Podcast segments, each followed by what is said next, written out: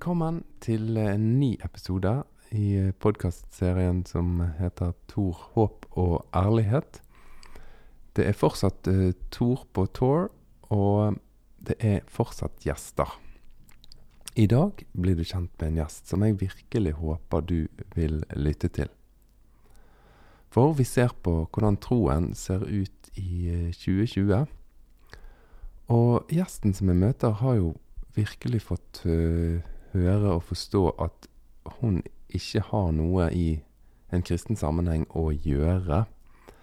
Det høres litt absurd ut, men sånn er det. Men det virker som i denne damen Der er det en tro som er veldig uavhengig av om folk mener at hun ikke kan få lov å tro. Det er en tro som er litt sånn utfordrende for meg, for den er så selvsagt at Gud er virkelig, og Gud er med. Og forteller også om at Jesus har gjort noe for henne, sånn at de vonde og vanskelige tingene hun har opplevd gjennom mange år, de bærer hun ikke på. Hun bærer ikke nag og ikke sint. Så det er et sånn veldig konkret eksempel på en som har opplevd en Hva skal vi si en, Å få hjelp. Da. Få hjelp av Gud. Og det syns jeg òg var veldig kjekt å få med i uh, denne podkast-turneen. Um, det er en ting jeg vil si. Elisabeth, hun er en veldig god venninne av uh, vår familie. Hun er Ja, jeg tror vi treffes omtrent hver eneste uke. Um, og jeg hadde egentlig ikke lyst til å si at hun er transkjønnet. For jeg, jeg, når jeg er med Elisabeth, så tenker jeg ikke på det. Det er ikke vesentlig. Det er ikke en uh, sak. Og så er jo jeg Jeg kjenner at jeg er litt nervøs for at uh, flere av uh, lytterne tenker at siden hun er transkjønnet, så er ikke det hun sier like mye verd. For da er det liksom noe feil eller noe rart med hun. Så da, jeg sier dette nå i innledningen, for jeg lyst, håper, jeg håper at uh, vi alle sammen kan legge til side de tankene. Og, og, du som lytter, som kanskje er med i en organisasjon der Elisabeth ikke ville fått lov å f.eks. være søndagsskolelærer fordi at du ville tenkt at det kunne være skadelig for barna. Prøv å legge vekk de tankene, og prøv å tenke bare at det er Elisabeth. Det er en eh, dame som eh, er veldig trygg og veldig, veldig overbevist. Og ja Jeg vet ikke hva mer jeg skal si uten at det bare blir mye mas, men hør på samtalen, og så forsøk å legge vekk Altså, det Det kan ikke være sånn, tenker jeg, at uh, hennes ord og vitne ikke gjelder. Det blir jo litt sånn som det var i tidligere tider i vår kultur, at kvinners vitnesbyrd ikke gjaldt i en rettssak, f.eks. Kanskje hennes historie og hennes vitnesbyrd kan gjelde også i dag. Ja, vet du hva. Hør og tenk, og vær, vær så snill, vær åpen i tankene når du lytter til Elisabeth Meling. Vær så god. Velkommen til en ny uh podkastepisode med Tor Håp og ærlighet. Nå, eh, Dette opptaket blir gjort i Bykle, eller på Bykle, det er jeg faktisk usikker på. Eh, kjøretur fra Kristiansand sammen med Elisabeth Meling. Hei. Elisabeth. Nå har jo vi vært eh, i Kristiansand noen dager, Mm. og du har snakket med Salam, altså det muslimske kristne nettverket Nei, skeive nettverket. Muslimsk skeivt nettverk. Og ordføreren der nede, blant annet. Mm. Og da har du snakket på vegne av Skeivt kristent nettverk. Ja. Så derfor har vi vært i Kristiansand. Stemmer. Og nå er vi på vei tilbake, og har stoppet for å lade bilen. Mm. Og da benytter vi anledningen til ja, En podkast. en podcast. Ja. Det er nærmer seg sommerslutt, og da nærmer det seg også liksom avslutning på Tour på Tour. Tour, ja. Mm. Og da tenkte jeg herlighet, la oss slå til. Det står en benk her, og det ligger til og med reinsdyrskinn på benken, så vi kan sitte godt. Ja. ja. Ehm, jeg hadde lyst til å snakke med deg som med de andre, litt om hvordan tro er i 2020. Mm. Og for de som ikke kjenner deg i det hele tatt, så trenger de kanskje å få høre litt om din bakgrunn og oppvekst eh, Ja. og tro. Det kan vi jo fortelle litt om. Ja, vil du gjøre det? Ja, eh, Utgangspunktet er jo da at jeg er med i Kirkens nettverk. Mm. Så det vil, og min bakgrunn, eller min historie, er jo det at jeg er transkjønnet. Mm. Jeg er kvinne, Mhm. født i guttekropp, Mhm. mannskropp. Eh, og så har jeg òg en tiltrekning eh, mot kvinner. Mm. Så jeg på en måte havner to grupper i LHBT. Mm. Eh, Skeiv kristen, og har vært da med i Skeiv kristen nettverk det siste året. Mhm. Fra oppstart, mer eller mindre. Ja. Og før det eh, så vokste opp i et kristent hjem. Mm. Eh, pleier å tulle med at jeg har vært innom det meste innenfor Kristen-Norge. Ja. Frikirkelig sammenheng og, og litt sånn innenfor Den norske kirke. Og, Mhm. Altså alt fra OAS, NLM til pinsebevegelsen. Og Ja. til og med et eh, lite uthopp i Hillsong i Sydney. Du har vært i Australia òg, ja. Ja, ja. Så jeg har vært litt sånn globetrotter innimellom. Hva gjorde du i Australia? Ja, da studerte jeg. Studerte hva for noe? Da tok jeg det som kalles for Bachelor of Arts, med majoring in historie og u-landsstudier. Ja. Så det er en bachelor i det som på norsk kalles humaniora, da. Ja. Så da En gang i tiden så var jeg sånn blåøyd eh, og skulle jobbe med u-landsarbeid. Mhm. Trodde, jeg, jeg visste ikke om det, da. Men jeg Mm. ville, jeg ville reise ut eh, og studere i utlandet, og en, en kamerat av meg ville studere u-landsarbeid. Men hvorfor Australia. Veldig tilfeldig, egentlig. Ja. Gikk på bibelskole, eh, fant en brosjyre om studier i Australia. Syntes det så veldig spennende ut. Hvilken bibelskole var det? Det var bibelskolen i Grimstad. Bibelskolen i Grimstad. i Nordmisjon. Ja. Mm. Og um, ja, så ble det til at jeg spurte forbipasserende om de Mm. hadde lyst til å være med og studere i Australia. -hmm. Og så var det én da som sa ja, visst jeg utdanningsstudie. Ja. Og så visste ikke jeg noe annet å studere, så jeg tenkte hengte meg på det. jeg. ja. Og så um, sånn ble det til at jeg da reiste til Australia etter at jeg hadde studert Nei, etter jeg var på bibelskolen et år. Ja. Og etter å ha vært to år i, i en, en liten by i Australia, så bestemte jeg meg for å flytte til Sydney. Mm. For jeg hadde da fått høre om Hillsong. Dette var så langt tilbake som 2001. Oh, vi snakker voksen person her. Ja, da, ja. det òg kan vi komme tilbake til. Men eh, nå, jeg spurte jo egentlig litt i starten om eh, din trosreise for, og hvordan tro ser ut. Jeg, jeg kunne godt, veldig godt tenkt meg å hørt om For du er veldig tydelig nå på at du er en kristen. Mm. Har du alltid vært tydelig på det? Jeg, tror, jeg har vel alltid hatt en tro. Og så har det eh, på en måte gått fra Jeg husker i tenårene, da tok jeg på en måte et aktivt valg, da.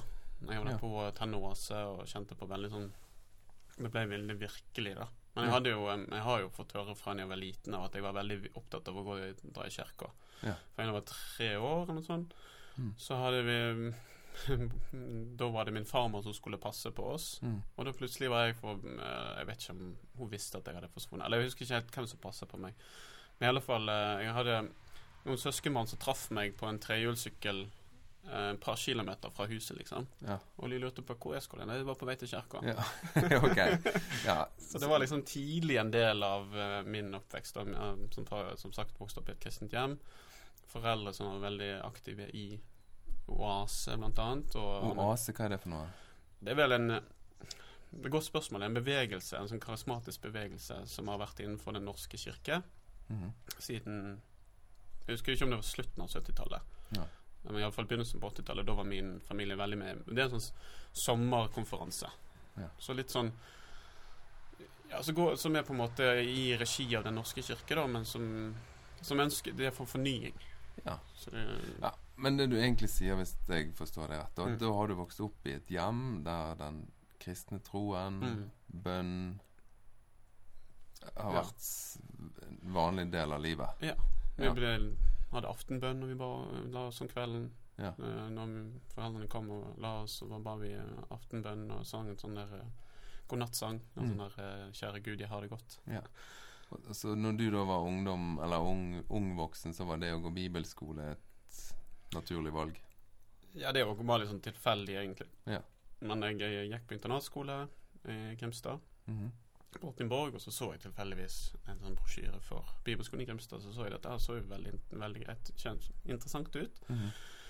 Eh, så hadde jeg vel òg et ønske om å kanskje bare bli litt mer vite litt mer om troen, da. Mm. Um, så ser jeg jo litt tilbake at jeg kanskje var ikke så seriøs egentlig når jeg var der. Og det er jo forskjellige årsaker til det, da. Ja, ja. Men uh, i alle fall um, ønsket om å lære mer om troen Ja. var en del av Og det, det var jo liksom Budskapet til Bibelskolen i Grimstad da var en, et år til avklaring og utrustning. ja. Og da tenkte jeg ja, det er greit å ta et år og få litt avklaring. Avklaring og og så kan jeg kanskje bli litt utrusta òg. ja, ja. så det var egentlig et veldig fint år på mange måter. Men hadde du noe plan med det studiet? Når jeg gikk på bibelskolen, Ja? ja, da var det bare et år, liksom. Uh, Ja. Da begynte jeg uh, Jeg gikk på musikklinja, var det bare liksom å være med i kor og synge. Så det var ikke noe særlig plan ut ifra det. For det var Mm. bare et Det var nesten som et folkeskoleår. Ja. Bare at det var på en bibelskole. Du lærte mer om Bibelen. Du hadde litt mye av det samme egentlig som folkeskole. ja. Eh, Jeg ble litt nysgjerrig, for når vi kjørte i bilen nå i sted Vi har kjørt noen timer. ja. Snakket en del. Mm. Eh, da inne i en, en, i en sånn eh, I en bisetning så nevnte du at du hadde tenkt lenge at du hadde lyst til å være med og starte menighet. Og være type pastor eller eh, prest-variant. ja, plantemenighet. en. Plante. Ja. Ja. menighetsplanter. Ja. Eh, det var vel egentlig når jeg studerte i Australia. Det var det som gjorde at jeg flytta til, eh, til Sydney for å gå på Hillsong. ja. For jeg ble eh, så en Hillsong, det er Ja, det er vel en karismatisk pinsemenighet i, i Sydney som har skrevet veldig mange sånn lovsanger og spilt ja. inn mange lovsang-CD-er. Ja. Um, og så lagde de, lager de alltid en video, en Mm. lovsangsvideo. Mm. Og jeg så en av de videoene fra da, når jeg den alderen, og Mm. ble grepet av noe der som Mm. jeg merka liksom at uh, Noe som jeg ikke hadde sett kanskje i Kirke-Norge. Som jeg savna i min voks, oppvekst i Den norske kirke, f.eks. Mm. Og jeg det var jo mye likt Oase på mange måter, men Mm. Oase var jo ikke noe menighet. sant? Og så visste ikke jeg så veldig godt om hva som var i Frikirke-Norge. Mm. Jeg hadde vært innom noen frikirkemenigheter. Følte aldri helt at det var min greie. Eller jeg fant meg helt, aldri helt hjemme. Nei. Men når jeg så den lovsangsvideoen fra Hillsong, så ble jeg liksom grepet litt av noe der, da. Ja. Og, og tenkte Og så sa jeg vel en sånn bisetning til noen kamerater at ja, hadde jeg starta noe sånn i Norge, hadde dere kommet da? Ja. For det var litt sånn catchy, det var litt kult, sant? og så var det en hel, litt annen måte å gjøre i- med, kirke på. Mm. Og jeg ble litt grepet av det, da. Og de bare Ja, det hadde vært kult. Og så tenkte jeg Hva er dette her nå, som jeg Mm. sa? Mm. Det glapp ikke taket, da. Og så tenkte jeg er det et kall? Er det liksom er det en, For det var en form for drøm. Og så begynte jeg liksom å fundere på dette. Men når du det, sier kall, hva betyr det? ja, liksom sånn er det det Gud har lagt ned i meg, på en måte. Ja, altså plan En plan, ja, på en måte, da. Ja. Uh, så jeg begynte å lure på om det var det Om jeg hadde noen Var det Guds plan for mitt liv? Mm. Og så eh, Så tenkte jeg jo at uh, dette her må jeg liksom grunne litt mer på, kjenne Mm. litt på. Så, men så bestemte jeg meg uansett da for å, for å reise, flytte til Sydney for å Mm. være en del av menigheten. For jeg tenkte jeg har ett og et halvt år igjen på studiene her. Mm. Unnskyld. Eh, la meg benytte anledningen til å se hva, som, hva det er. Mm. Og, og i forhold til min egen eh, Det jeg opplevde sjøl, da. I Mm. forhold til liksom den drømmen. Var dette noe som var reelt? Mm. Og prata med pastor og alle, alle mulige ledere, liksom. Hva er Mm. dette her? Er det et kall, eller er det en plan? Mm.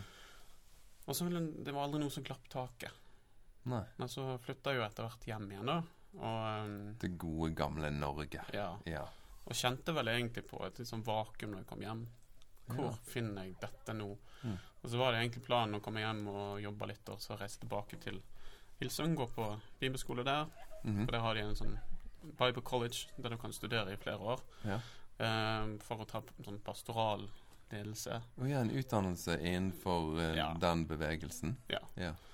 Og så tenkte var planen liksom, drømmen å komme tilbake til Norge. Det var vel Oslo jeg tenkte da. Liksom Mm. å Mm. starte noe. Det var liksom den uh, naive drømmen jeg hadde som en ung 20-åring. Mm -hmm. uh, så kom jeg tilbake til Norge, og så gikk jo ikke alt på skinner. Så jeg ja, begynte å gå i Fant jo til slutt en menighetsfellesskap. Mhm. Og så kjente jeg litt eh, at eh, OK, dette er jo bra, men hele tiden var tanken at jeg skulle tilbake til Australia, da. Ja. Men så ble ikke det av. Og så ble det heller til at jeg eh, etter hvert Jeg kjente på en, et behov for å flytte på meg ut Ja, igjen. ja. Eh, og så endte jeg opp i å bo noen år i Luxembourg. Ja. Eh, og Igjen helt tilfeldig. Ja, litt tilfeldig. Ja. Og, og samtidig sånn et eh, ønske om å ja, bo i utlandet litt igjen. da Ja. Kjente, kjente meg kanskje litt, med, litt stengt, innestengt her i Norge. Og Ja. det med tanke på det som jeg nevnte i begynnelsen. Mm. Det har nok mye med det å gjøre òg. Mm. I, i forhold til det som jeg sleit med. En mismatch mellom en indre kjønnsidentitet og kropp. Ja. Og at jeg eh, Det var nok en liten flukt òg, vekk fra det kjente. For at jeg kanskje Uten at jeg kanskje tenkte på det da, så var det litt kanskje for å ta en liten sånn et, En pause. Mm. Pauseknappen, og så Mm. se litt på Er dette Hva er livet, liksom? Ja. Dette her er noe som ikke forsvinner. Mm. Uh, så klarte jeg ikke egentlig å se det da, men jeg ser jo nå i, i ettertid at det var da på en måte Når jeg, var når jeg um, hadde tid til å tenke på det, Mm. når jeg var litt i det vakuumet, men jeg flytta ut av Norge igjen, Mm. så ble disse tingene som jeg har kjempa med siden jeg var seks år, Ja. ble veldig tydeligere igjen, da. Ja. Um, og så ble det liksom balla ting på seg, jeg, men så, så, ble, så traff jeg ei via internett. Mhm. Men ikke internettdating den gangen, men det som var den gangens Facebook. Ja. ja. Heter MySpace. MySpace, ja. ja. Unnskyld. ja går fint. Um, og så ble vi gift, og jeg tenkte jo at det sikkert skulle fikse meg. Ja. Sånn at jeg eh, hadde vel eh, et håp om at eh, hvis jeg var inni den heterofile rammemodellen, Ja. og kanskje var en sånn stereotypisk den ultimate kristne mannen, Mm. så ville alt jeg kjente inni meg, den kvinnelige delen av meg, den egentlige meg, Mm. at den bare ville eh, på en måte underkue seg, eller bare bli, på en måte forsvinne. Bare disappear. Ja. Yeah. Mm. For det var jo en konstant kamp. Jeg hadde bedt i over 20 år om at dette her må liksom Gud, fri meg fra dette her. Mm. Eh, helbred meg, liksom. Mm. Og ingenting skjedde. Så tenkte jeg kanskje hvis jeg har visse rammer, så jeg er i det heterofile Ser veldig heterofil ut, Mm. Mm. at det vil hjelpe, da. Det hjalp ikke. Nei. Så kommer vi til slutt et punkt der eh, alt Alt bare kom til et eh, Alt stoppa opp. Mm. Eh, eller alt smalt, Ja. for å si det på forskjellige måter. Mm.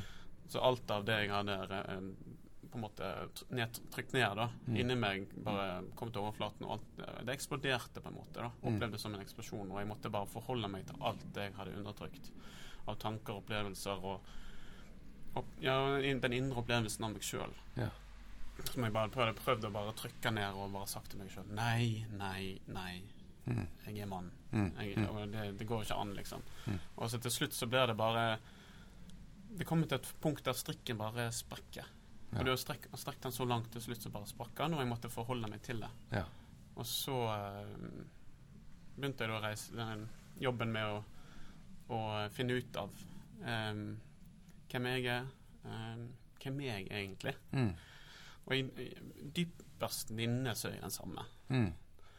Jeg har de samme verdiene. Mm. Um, troen, sant. Men så er det bare ytre, da, som er litt litt annerledes. Det der er jo veldig interessant, for jeg har jo bare kjent deg som Elisabeth. Mm. Så det at du sitter til meg og sier til meg at jeg er den samme, det er jo liksom sånn Hæ? Den samme som hva? Altså, Elisabeth er Elisabeth, det syns jeg er litt interessant, da. Elisabeth var alltid Elisabeth, Ja. selv om jeg utad prøvde å vise det som en annen. Ja. Men det må jo ha vært en mye større endring for de som ikke alltid har kjent deg som Elisabeth. Og hva tenker du i forhold til å, Ja. å vite at jeg var, ikke var Elisabeth før? Eller ja, ja. ja, altså For meg har det aldri vært en endring i Nei, nei, nei. vennskapet med deg. Nei. Jeg har alltid kjent Elisabeth som Mm. Elisabeth. Sant? Mm. Hvordan reagerte folk rundt deg, da? Nei, det var jo både òg. Noen var veldig sånn forståelsesfulle, og, og de forsto at dette har jeg kjent på siden jeg var seks år. Jeg, så, jeg var veldig tydelig da. Mm. Og sa det at ja, dette har jeg kjent på siden jeg se- var seks år. Jeg klarer ikke å fortrenge det lenger. Ja. Det kom til et punkt der nå må jeg bare være ærlig, og jeg må gjøre det som er riktig for meg. Og så er det noen som kan tenke at jeg er egoistisk, men utgangspunktet er at du lever ditt liv ut ifra deg sjøl. Du kan leve for andre, men uansett hvis du ikke lever riktig med deg sjøl, Mm. så lever du et tungt liv. Og det var det jeg begynte å gjøre på slutten. Men du hadde bedt til Gud i årevis om at opplevelsen skulle bare forsvinne? Ja. Hva tenkte du? Kastet du Gud ut vinduet da, når du skjønner at dette er Nei, egentlig ikke. For det, det som hadde skjedd noen år før, det Mm. var det at jeg hadde blitt utfordra av min daværende kone mm. på min, mitt syn på homofili Mm. og likekjønn ekteskap. Der hun da liksom ut, sa det at jeg skjønner ikke hvorfor den allmektige Gud som har skapt alt, skal ha så store problemer med at eh, to personer av samme kjønn skal være glad, eller dele et liv sammen og være glad i hverandre. At det skal være så forferdelig. Og så begynte jeg altså jeg hadde jeg alltid kanskje levd i den der eh, bobla. Mm. Og så hadde jeg ikke forholdt meg så veldig hardt til det, for det var òg en del En sånn bremsekloss for min del å forholde Og liksom bremste den eh, Det var en murkloss, eller en Mm. mur Mm. fra, mot det indre me meg, da. Mm. For i forhold til legningen min òg, Mm. så var det Mm. liksom Oi, jeg må forholde meg til to ting. Mm.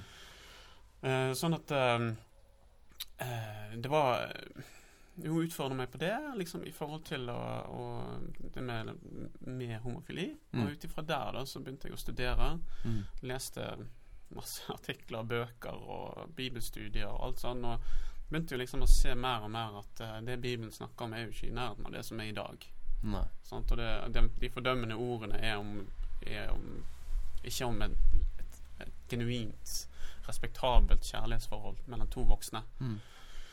Eh, sånn at uh, jeg begynte å kjenne på det Det begynte å utvikle seg, og så så jeg da òg at uh, Gud velsign... Jeg, jeg ble mer viss på og så mer at Gud òg velsigna det, da. Ja. Sånn at når jeg kom ut for min egen del, og kom ut Mm. til de rundt meg, i Mm. forhold til det med Så var jeg viss på at Gud var OK med meg. Mm. Og så var det jo Altså det var ikke noe motstand inni deg mellom Gud og, og det at du er Elisabeth? Nei, det var det ikke. Um, for den kampen hadde jeg på en måte tatt før.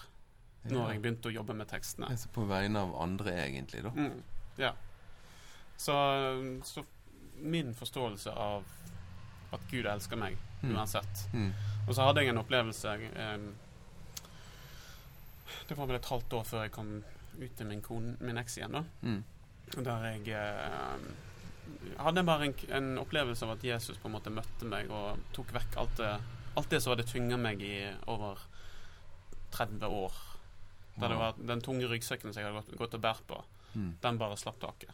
Og han bare viste meg sin kjærlighet, og at jeg var elska uansett om jeg var mann eller kvinne, om jeg var lesbisk eller heterofil. Når du sier at Jesus viste deg det, hvordan Klarer du å si noe mer om det? For det, det, det, hører, det høres jo veldig sånn Det høres veldig åndelig Ja, og svevende ut. Ja. Nei, det ble, veldig, ble veldig eh, klart for meg at eh, det som skjedde på korset, Mm. det var jeg klarer, ikke, jeg klarer ikke Det er vanskelig å sette det i ord, da. Mm. Men jeg hadde på en måte blitt obs på Eller hørt en prekenserie om at eh, Gud, Jesus ønsker å frelse kristne. Sant? Og, hva og så sier ja, men vi er jo frelst. Altså, Jesus ønsker å frelse kristne? Ja. Ja, okay. Og, sant? og det er en, en morsom eh, tittel, egentlig. Ja. For når du er kristen, så er du liksom frelst. Mm. Det er jo ofte det man Mm. sånn Mm. Men i en taleserie, da, så har den som tal, talte om dette, har snakka om at uh, Jesus ønsker å frelse deg fra de tingene du sliter med. Liksom Jesus uh, Det er mer i hans frelse enn bare det at du har takka ja til Jesus, liksom. Det, Ja. det er det at Jesus òg ønsker å hjelpe deg. Ja. Liksom å vise Og ja, jeg husker ikke alt det som var i det, men det, ble, det hjalp meg iallfall til å se at uh, ja, så, så, var det noen en lovsang Mm. som heter The Wonder of the Cross Mm. som bare spilte i bakgrunnen. Og så var, ting hadde bygga seg opp i, i, inni meg som en Mm. forståelse av at eh, det som skjedde på korset, det var noe Det er noe spesielt. Det er noe Mm. stort.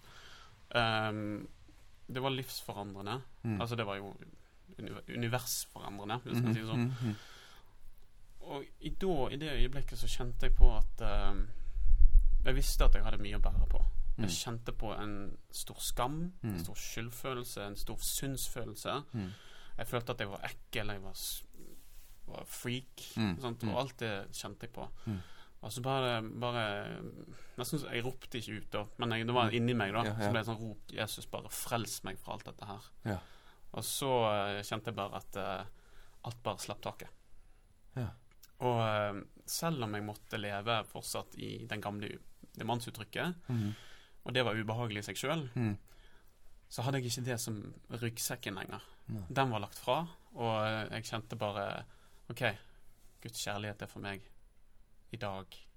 Og den er enda mer virkelig i dag enn den var før. Ha. Sånn at um, Det var et, et, på en måte et sånn frelsesøyeblikk, da, hvis Ja. du kan si det der. på, Ja, på, en, ja.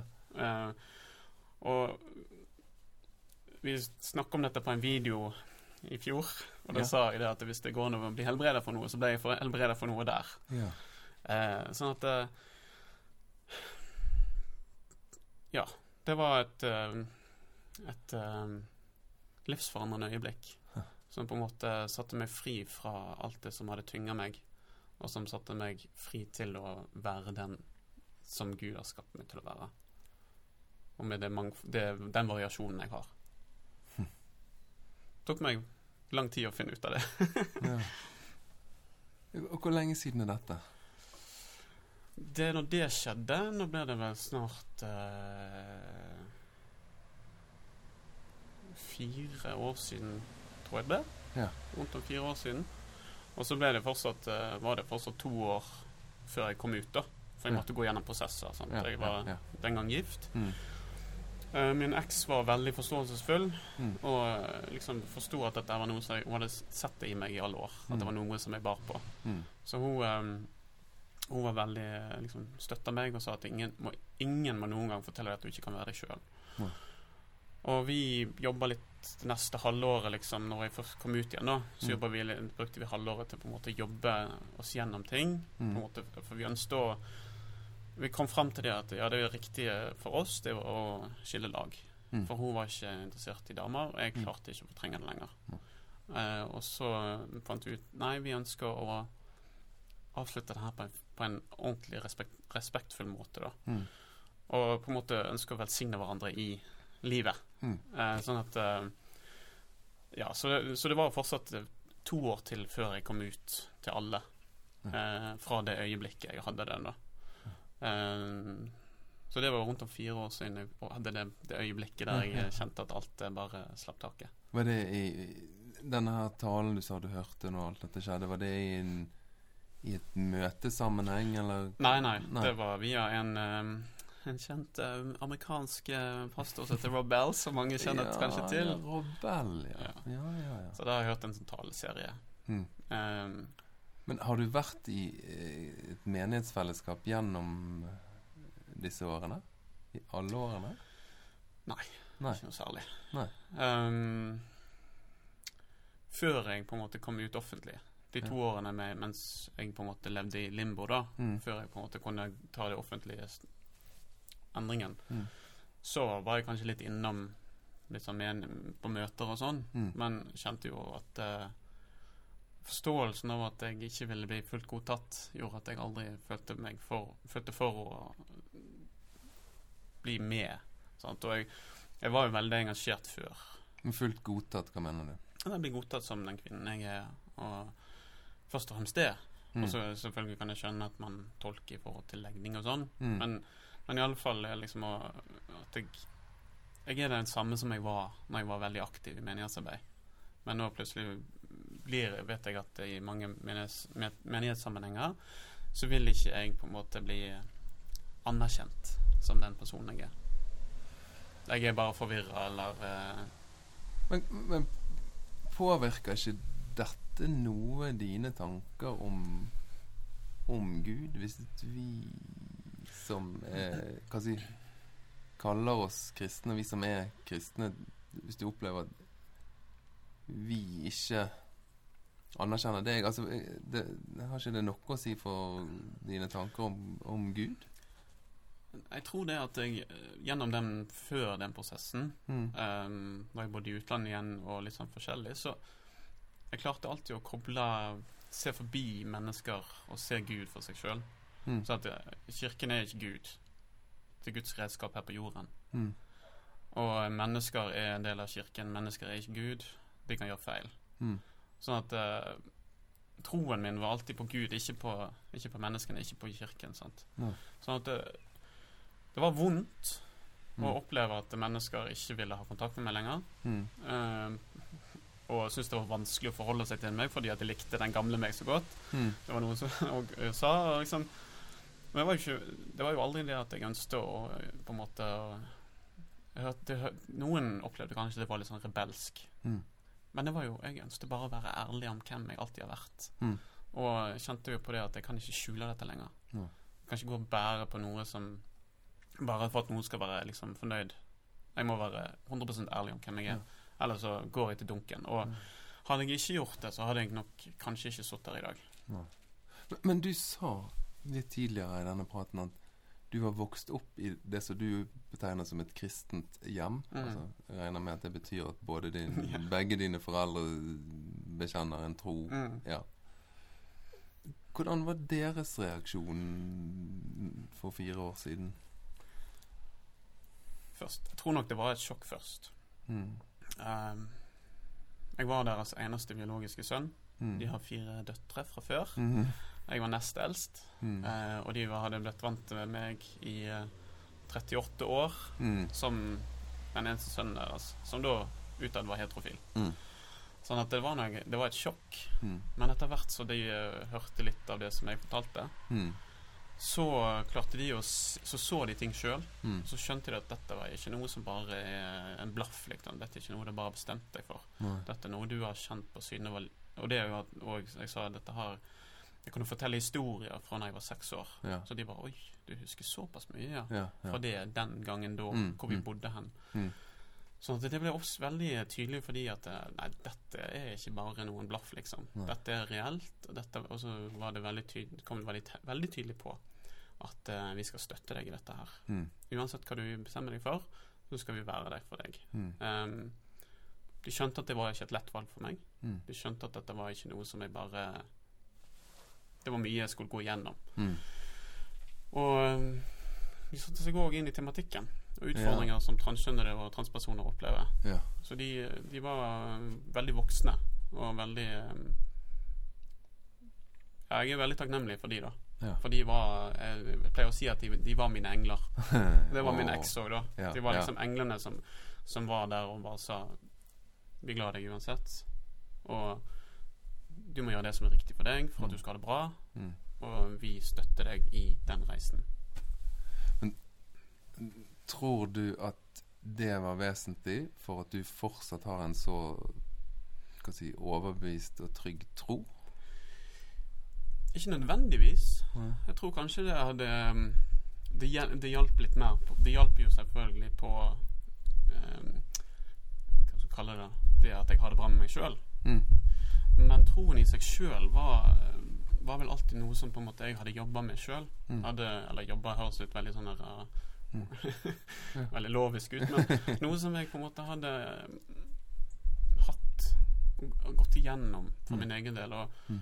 og kan- jeg, liksom, min tro er annerledes enn min foreldres tro. Ja. Og, og min måte jeg leser Bibelen på, er annerledes enn måten de leser Bibelen på. Mm. Og så har det vel òg vært de siste 10-15 årene en interesse, sånn, som jeg tidligere nevnte i forhold til pastor. Mm. Mm. Jeg hadde jo òg en viss interesse for teologi og litt Mm. i Bibelen. Og, Mm. ikke litt Bibelen, mye Bibelen. ja. Liksom, beskjedent ut. ja. Sånn at jeg hadde vel òg på en måte brukt mye tid Mm. på å forstå Gud. Eller jeg går ikke an å forstå Gud, men liksom Mm. prøve å forstå dette her skaperverket og Mm. vi mennesker, og hva er det som gjør at noen tror sånn og sånn. Mm. Eh, sånn at det, troen var hele tida noe som var mitt, da. Ja. Uh, og jeg Selv om på en måte menighetsliv og sånn var utenkelig for meg etter at jeg kom ut, Mm. så var liksom troen enda sterkere. Mm. For da kunne jeg være helt ærlig om hvem jeg var. Jeg visste um, Eller visste høres veldig sånn sikkert ut, Mm. men jeg hadde en erfaring av at Gud elsker meg uansett. Men det du sier at menighetslivet var utenkelig for deg etter du kom ut Er det noe som er en, en selvpålagt problemstilling? Altså Det kommer litt an på hvor man, hvordan man ser det, da. Ja. For altså, ja, det finnes menigheter og kirkesamfunn som jeg sikkert ville vært akseptert i, Ja. men det ikke nødvendigvis menigheter og kirkesamfunn jeg hadde følt meg hjemme i. Nei. Så de menighetssamfunnene og kirkesamfunnene, Mm. eller menighetene og kirkesamfunnet som jeg følte meg hjemme i, Mm. der opplevde jeg at det, det var ikke plass for meg, da. Opplevde, hvordan, hvordan kan du oppleve noe Nei, sånt? litt i forhold til teologi som man ut eh, deler i offentlige rom. Ja. Måten man uttaler seg om de av oss som er det som vi bruker som født i feil kropp. Det er bare et Mm. begrep for Mm. å forklare at Mm. dette her sitter veldig dypt. da. Ja, ja.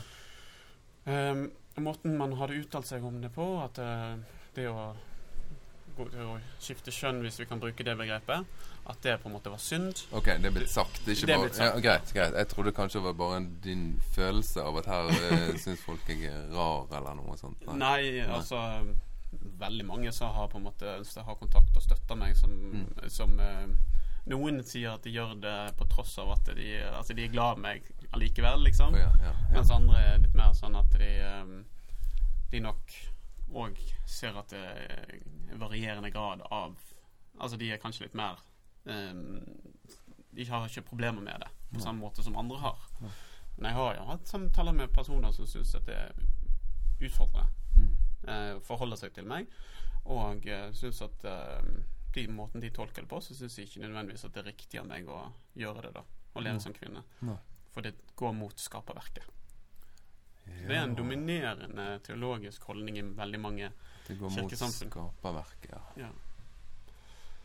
For Mm. Gud hadde skapt meg som mann, og da går jeg imot det når jeg da velger å leve som kvinne, som jeg opplever jeg er innerst inne. Mm.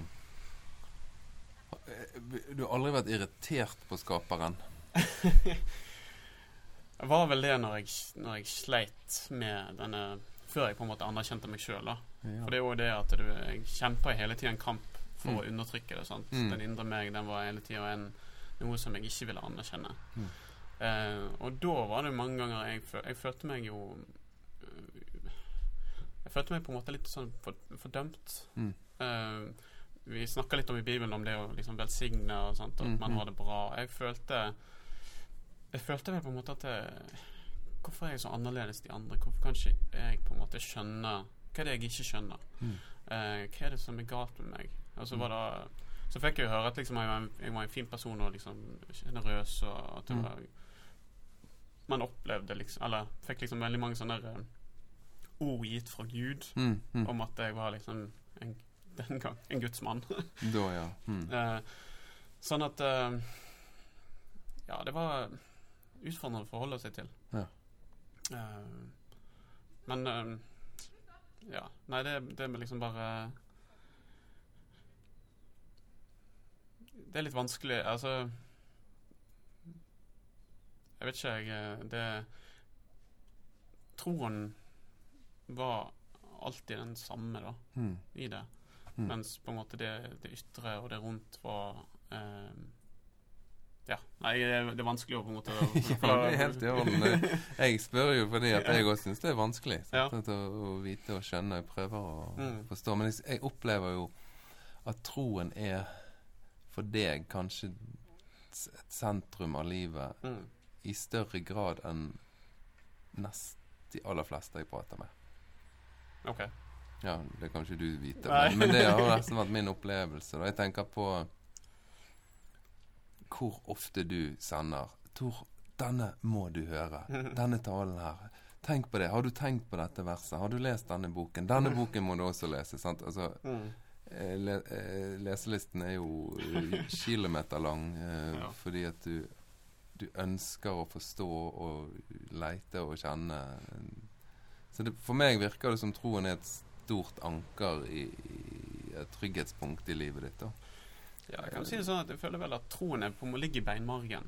Ja. Um, og altså det, har, det, det er en del av DNA-et mitt, liksom. Mm. Jeg har, når jeg var i 20-årene og eh, har nevnt noen ganger at jeg, da vurderte jeg flere ganger å iscenesette min egen død Mm. for at jeg kunne bare forsvinne. Mm. Og at ingen trengte å vite om at jeg var Kvinne, Gone, gone og sånn Ja. var Elisabeth. Nei. Ja. Mm. Um, for jeg kjente på den store skammen og skyldfølelsen. Mm. Men så var det hele tiden den der og opplevelsen av at det var synd. Mm.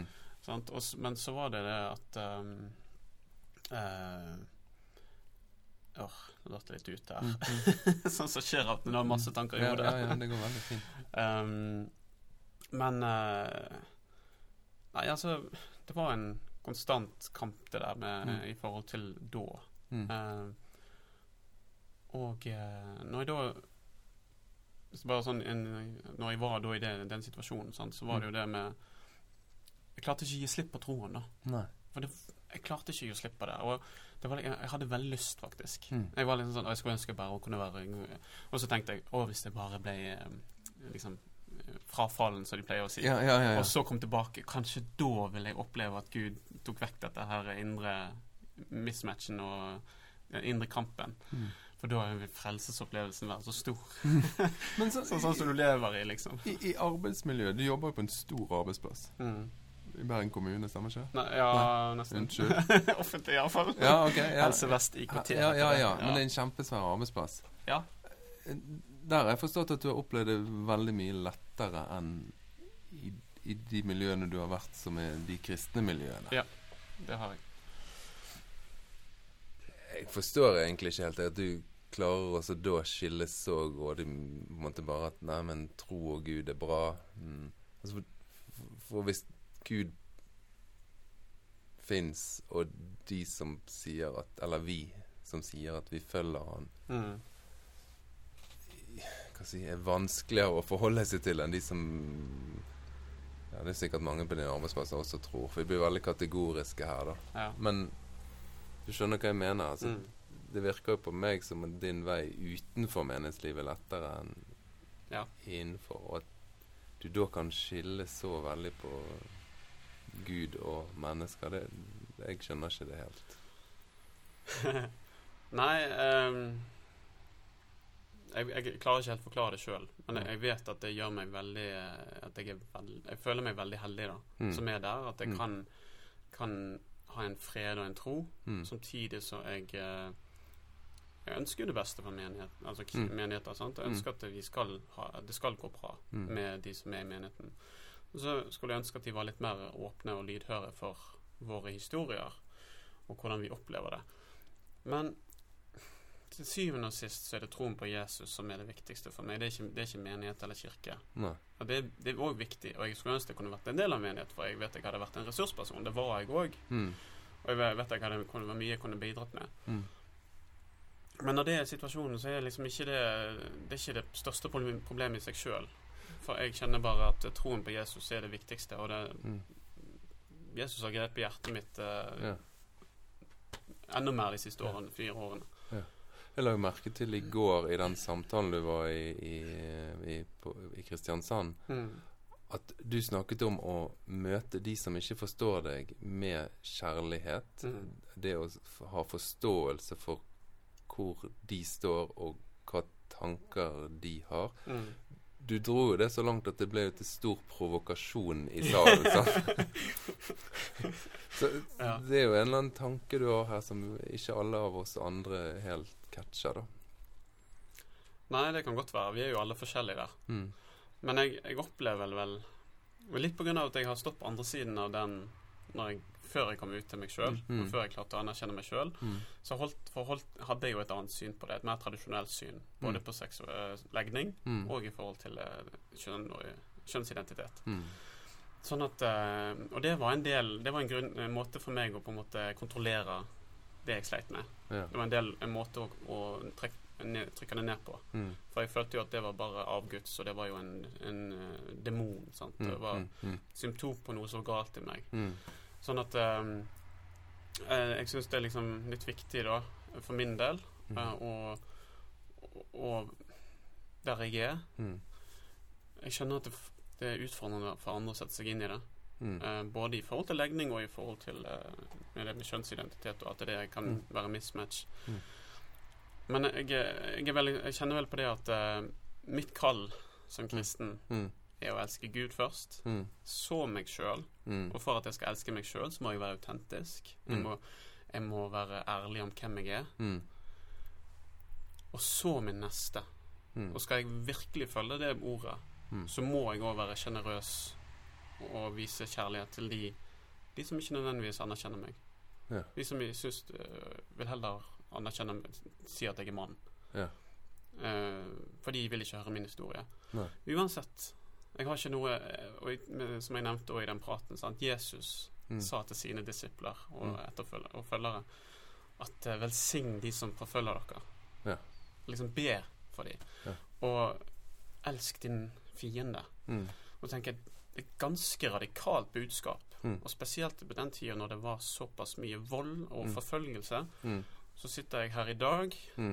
Jeg har det godt med meg sjøl. Mm. Og jeg skjønner jo de som syns det er vondt og har såra for kristne. Mm. Um, forskjellige kristne grupperinger. At Mm. de er på en annen plass. Mm. Og det er vi alle på en reise. Så jeg tenker at uh, det er min jobb, der jeg er, å Mm. vise denne generøs Og prøve å være sjenerøs og, og Mm. kjærlig mot de som kanskje ikke anerkjenner meg. Ja. Og vise de respekt for. Jeg tror at uh, hvis det kan vise nestekjærlighet Mm. Og det det det gjør, gjør mot andre som vil at andre skal gjøre mot deg. Mm. Og jeg, og jeg tenker at det er litt viktig at vi Om vi ikke alltid føler at uh, kristne mot, oppfører seg på den måten mot oss, Mm. så skal vi aldri bruke argument det som argument for at vi skal være på samme vei tilbake. Mm. Sånn som en Jeg har sett en har skrevet Lev du rett. Mm. Liksom, lev, la, Jeg skal leve rett Mm. ut ifra det, det som jeg opplever kallet til å være kristen. Mm. Og så må andre finne ut hvor de er i den sfæren, Ja. og hvor de er på den veien. Ja. Jeg er veldig heldig. Jeg er Mm. veldig privilegert. Mm. Jeg er veldig takknemlig for hvor jeg er, Mm. og at jeg, jeg har på en måte Som jeg har nevnt for deg, de årene før fire år siden Mm. Det var tungt. Mm. Og jeg kjenner ikke på noe savn noe sånn sårhet eller vondhet i forhold til det, for Jesus tok det vekk. Ja. Jesus tok det, og det, liksom, det ligger der bak. Sånn at jeg, jeg er fri fra alt det som, som var tungt. Alt det som all Den store steinen som var bonde rundt beina mine, liksom, eller som lå på ryggen. Mm. Jeg er fri der. Mm. Og da er jeg fri til å elske. Mm. Og da tenker jeg da i menneskelig forstand, men medmenneskelig. Mm. Og så er tenker jeg jeg er fri Jeg er fri fra å dømme. Ja.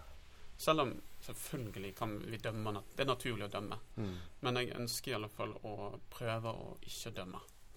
For jeg, jeg like Jeg har en stor bjelke i mitt øye uansett. Uansett hvor mye Hvor flink jeg tror jeg er, så har jeg en vanvittig svær bjelke som jeg er så veldig flink Vi er veldig flinke på langsyn, men dårlig kortsyn. Ja. Elisabeth Meling, em, jeg tror vi må snakkes igjen.